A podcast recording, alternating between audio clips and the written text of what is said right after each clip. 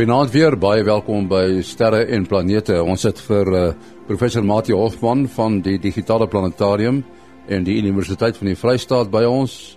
Ons het ook vir Willie Koorts van die SAAO wat aan die program gaan deelneem. En dan natuurlik ruimte weer deur Kobus Olkers daar in Florida, Amerika. Maar eers ruimte nuus wat elke week geskryf word deur Herman Turin in Bloemfontein.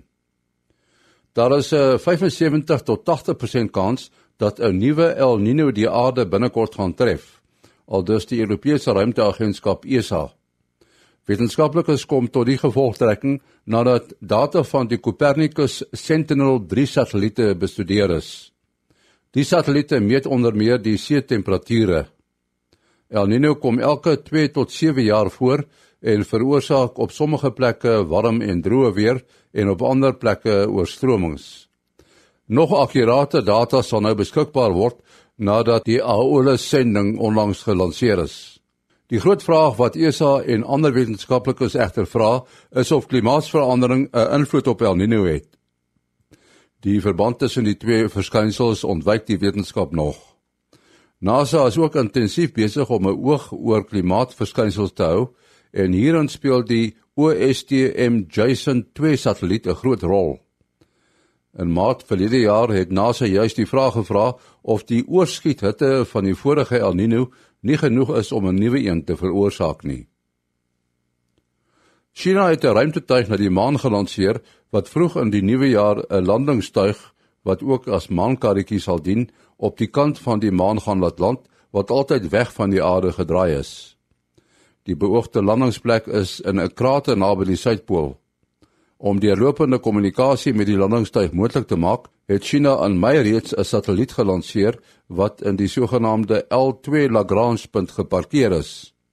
Hier balanseer die maan en die aarde se swaartekrag mekaar en kan 'n satelliet stil staan.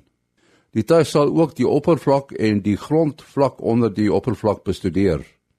'n Eksperiment word ook gedoen om te kyk of saad wat in 'n houer met water, lug en voedingsstowwe verseël is, op die maan gaan groei. Tot sover dan ruimte nuus wat geskryf is deur Herman Turin in Bloemfontein. En nou eh, gaan ons oor na Florida in Amerika, Kobus Olkers met ruimte weer. Goeienaand en goeienaand luisteraars. Ja, hier het ons nou nog 'n nuwe week in in Florida waar dit op die oomblik redelik koud is. Dit is so 5 grade bokant vriespunt wat 'n baie rare ding is nogal nê. Nee. Maar nou ja, kom ons kyk wat die son vir ons hierdie week uh, het om vir ons te vertel. Die eerste ding wat 'n mens kan sien is 'n relatief rare uh verskynsel vir hierdie tyd van die sonsiklus is daar 'n sigbare sonvlek uh wat nou op die oomblik in geo effektiewe posisie is met ander woorde sou hy enigiets uh, uitbarsting of enigiets maak dan sou hy die aarde tref maar hy lyk vir my op hierdie stadium. Baie stabiel. Sy magnetiese eienskappe is uh dat hy 'n suidpool wat voor 'n klein noordpooltjie uitloop in die rigting van die rotasie van die son. En daar's geen kompleksiteit in hom sover nie maar nou ja ons het al gesien met sonvlekke enigiets kan gebeur. So daar is 'n 1 of 'n 2% kansie van dinge vir hierdie week van hom af.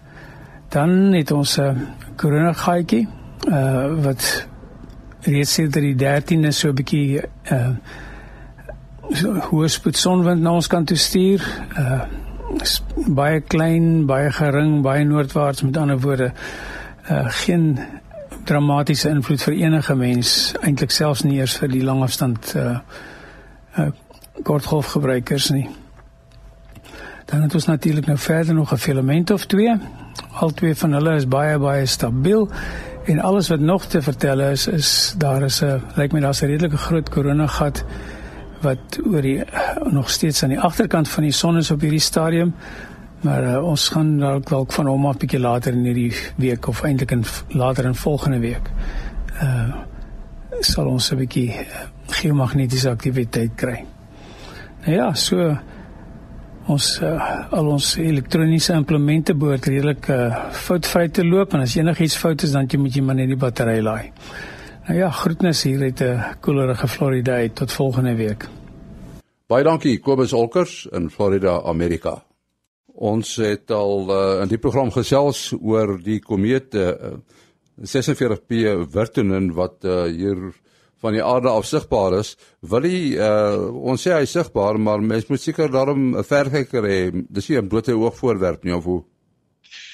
Ja, dis interessant. Ehm um, met die aanloop en soos hy nou nader beweeg het aan die aarde, het ehm um, het 'n mens verskillende mense met verskillende opinies gehoor, sal ek amper sê. Seker nou nie regtig opinies nie, dis eintlik net wat hulle nou waargeneem het. En ons vorige uh oog by einkoms ons Orion observasiegroep by einkoms daar by die Taalmonument um was gewees verlede verlede Saterdag aan en um en toe het ons nou nogal gehoop ons gaan die komete sien kry. Ons het hom wel opgespoor uh deur op sy koördinate en 'n teleskoop soontoe te mik en um toe het ons nou sommer met 'n laser op hom gemik en ander teleskope ook gemik en mense moet verkykers en so aan. En ek het regtig gedink hy gaan helderder wees omdat 'n paar mense wat van donker plekke afkyk het gesê hulle kan hom met die blote oog sien. En ehm um, uh, man toe sien ek nog 'n interessante verduideliking uh die komeet self uh die ster wys ongelukkig weg van ons af of as hy nou 'n ionster sou hê 'n gasster uh omdat die komeet ons aan die buitebaan verbysteek. So hy gaan baie na aan die aarde maar net buitekant die aarde se baan. So hy kom hy kruis nooit die aarde se baan nie en uh die sonwind uh, is natuurlik mos nou wat die uh, komeet se ster altyd wegwaai van die son af. So as jy um basies 'n waier agter jou het en jy het 'n uh, iets wat rook in jou hand dan sal jy dink daaraan in die ja, die waier sit daar agter jou kop, dan gaan die rook altyd weg van jou afwaai en dit is op die oomblik wat gebeur. So daar is 'n effense ster wat waargeneem word, maar nie maar nie so kwai nie. So eintlik wat jy dan hoofsaaklik sien is dat die komeet is baie opgepof en um en en en dit is in, in, interessant wat ek gesien het op op 'n webwerf waar hulle mooi verduidelik dat uh, die uh, kern van die komeet uh, die die genoem maar die gefriesde gedeelte ons praat altyd van 'n vuil sneeubal uh, soos die gefriesde gasse met met uh, stof en so uh, wat nou daarmee vasgevries is um uh, die komeet se kern is net so oor 'n kilometer 1.2 kilometer maar die komeet is so opgepof dat die die gas gaswolk wat rondom hom vorm nou as gevolg van die hitte van die son wat hierdie uh uh um uh, die komeet die ys laat smelt en en dit gaan dit direk oor in in in in gas uh, want uh, vloeistof kan nie in die ruimte bestaan nie en ons noem daai proses sublimeer so hy hy skiep uh, hy spring dan die die die stadium gewoonlik weet ons mos ys raak mos eers vloeistof dan raak dit gas. Um so de, in die ruimte kan vloeistof nie bestaan nie so hy gaan direk van ys na gas.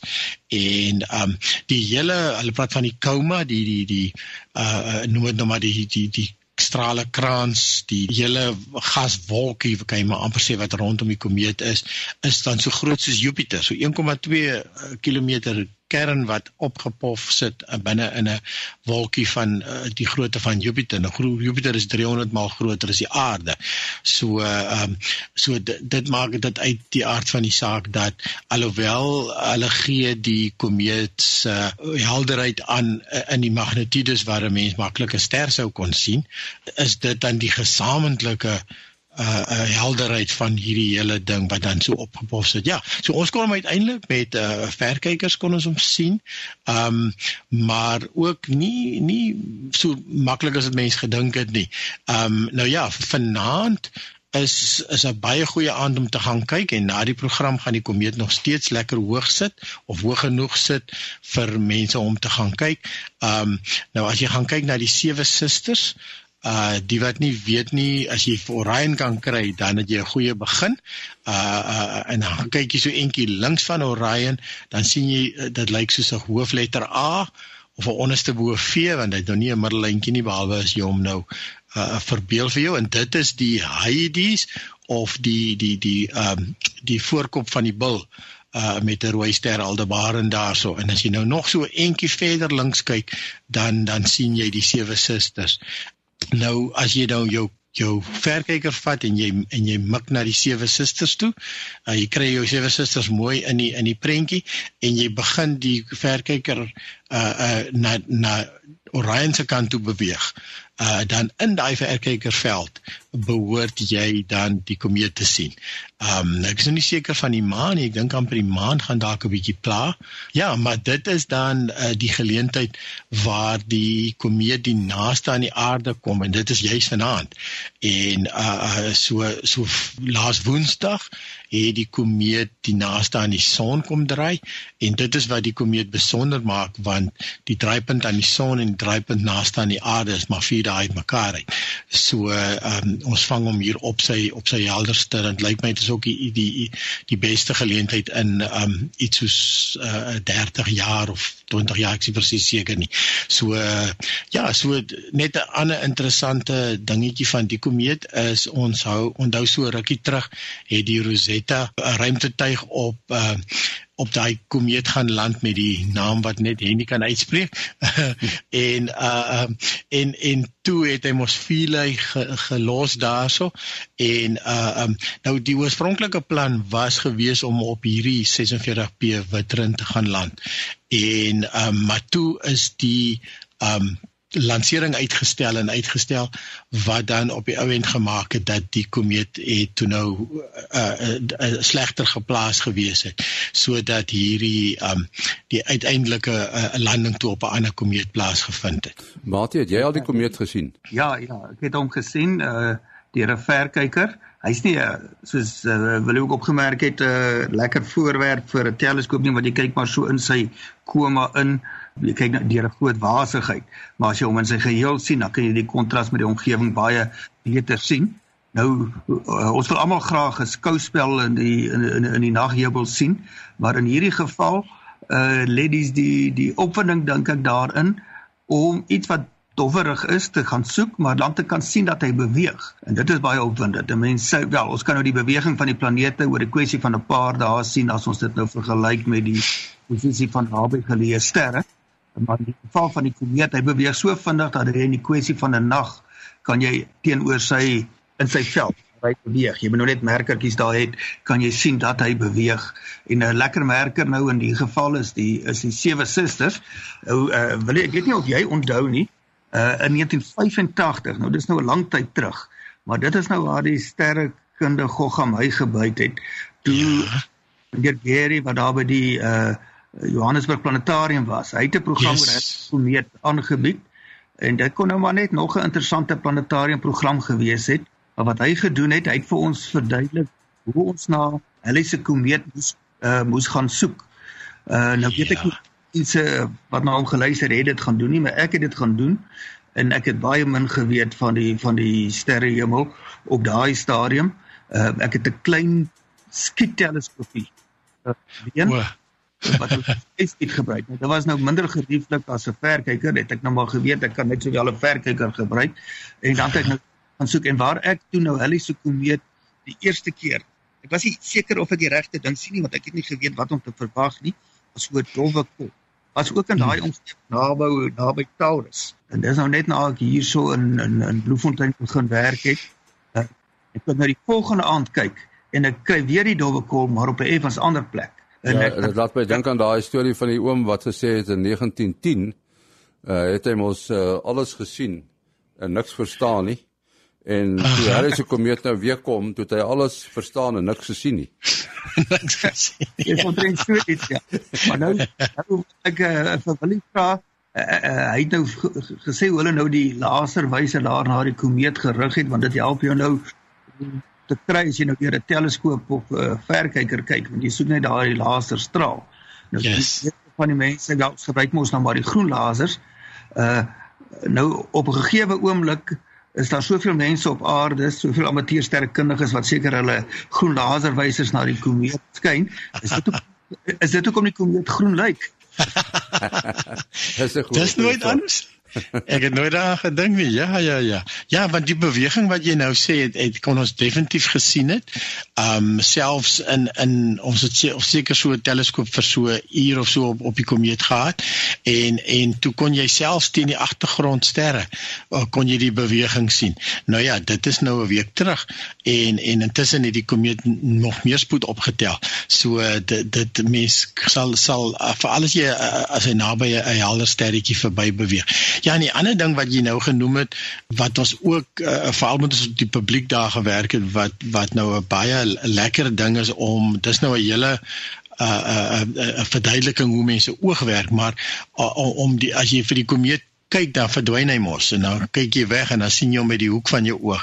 En dit is 'n baie oulike ding veral om so 'n dowwe ding waar te neem want ehm um, uh, uh, daar waar jy kyk in die dag is natuurlik jou waar jou kleurvisie sit en en en die en die sogenaamde keeltjies wat ehm um, wat nie so baie ligsensitief is nie, maar die res van jou retina uh so dit wil sê die hoek van jou oog uh, uh gebruik jy 'n ander gebruik jy die stafies en die stafies is soos 500 mal meer ligsensitief en as jy nog in die donker gewoond is, dan sit nog beter. Hierdie ding sê natuurlik nou moet jou oë ten minste 20 minute kans gee om lekker aan te pas by die donker. So moenie uit die huis uit uit die fluoresent stap en dink jy gaan onmiddellik die komeet sien nie.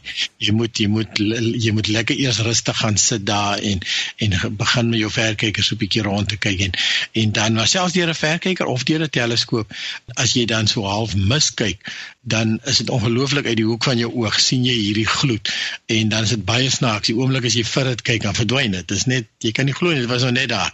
En dit is natuurlik nou die manier hoe jou oog saamgestel is. Nou goed, uh, van uh, die uh, komeet na Insight, ons het nou al baie van Insight gepraat in die program. Uh, ek het daar seker van u daar by die huis wil dit ook gehoor het en gesien het.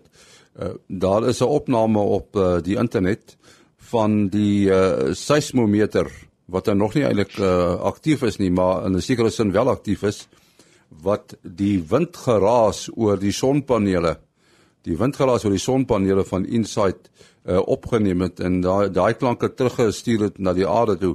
So ek gaan vir julle 'n kort snit speel van uh, hierdie geluid. Uh, hy is so 'n bietjie aangepas later om dit 'n uh, bietjie meer hoorbaar te maak. Maar uh, luister maar fyn, dit is nou die klank van die wind oor die sonpanele van Insight op Mars.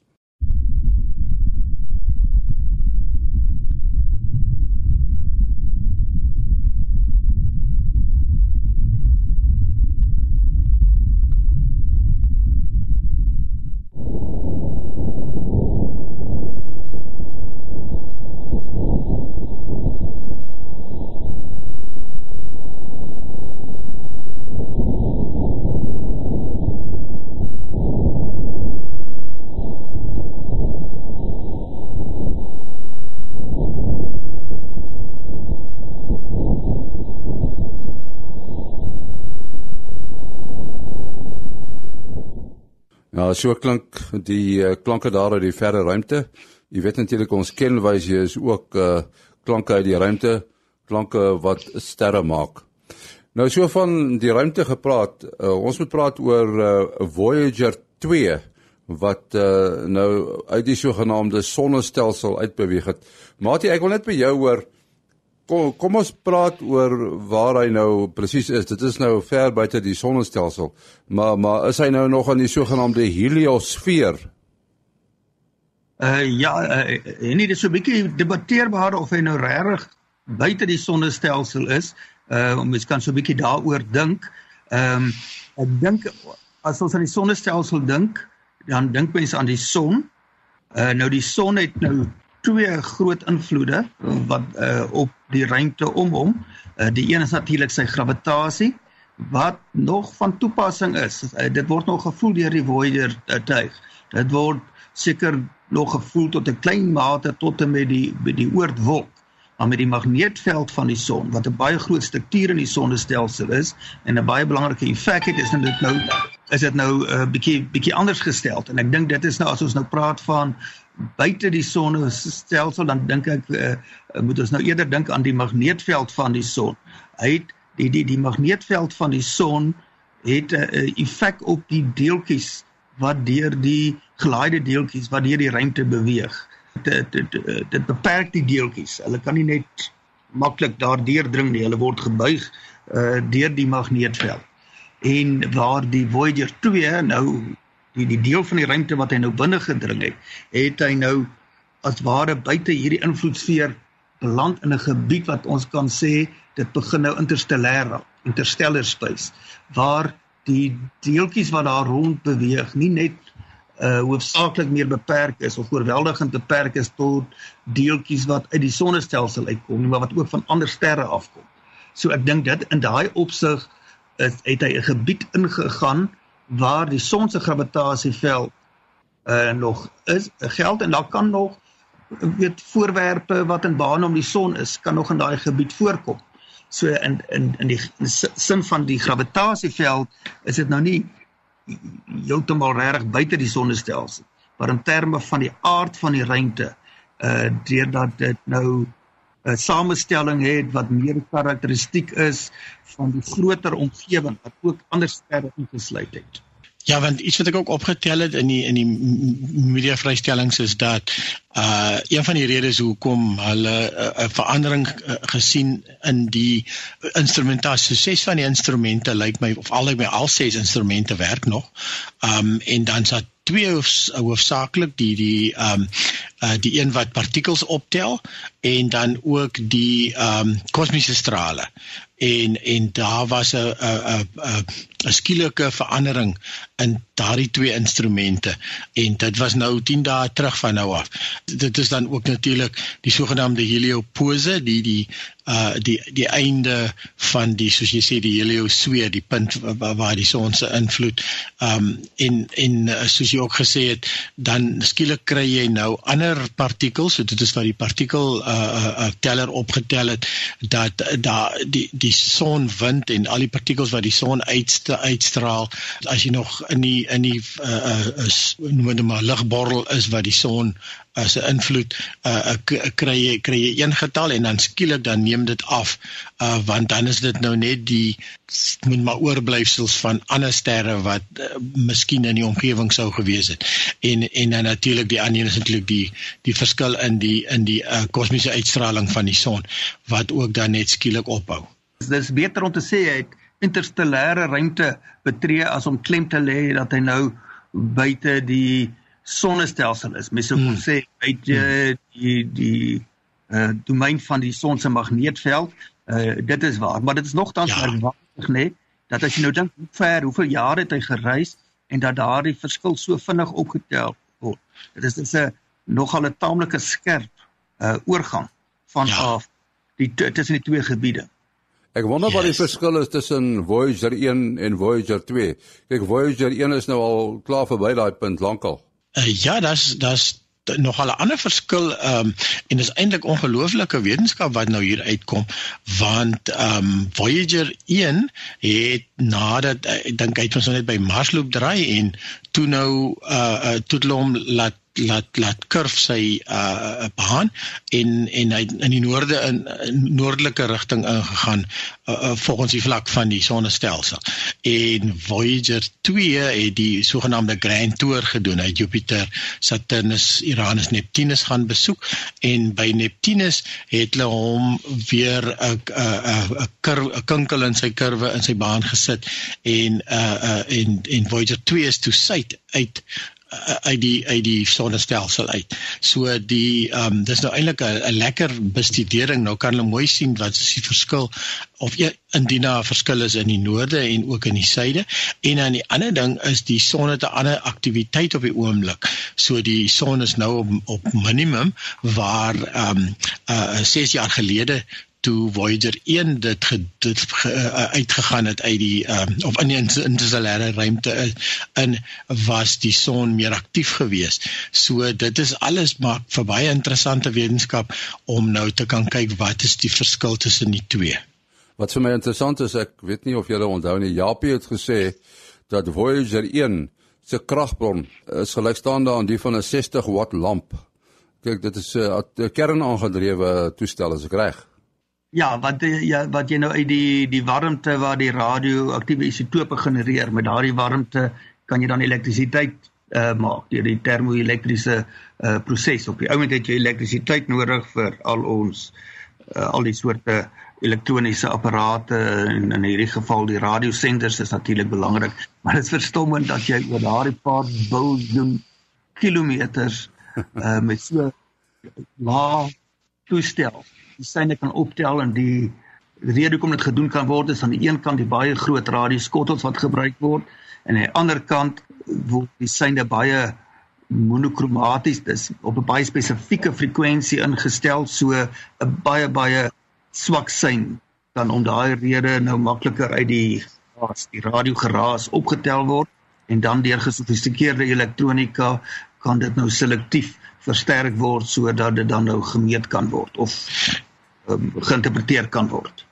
Ja die die ander ding wat baie interessant is hier is dat die ehm um, as oulike onderhoude met beide die uh wetenskap die persoon wat in in in uh, in beheer was van die wetenskap van die projek en ook die ek dink is die is, is is die die projekingenieur ehm um, wat uh, nou nog altyd lewe en natuurlik vir hulle is dit nou uh, vreeslik bevredigend om te sien dat hierdie kind van hulle het nou hierdie uh, ek weet hierdie die primêre uh, sending is 20 jaar, 30 jaar gelede afgehandel.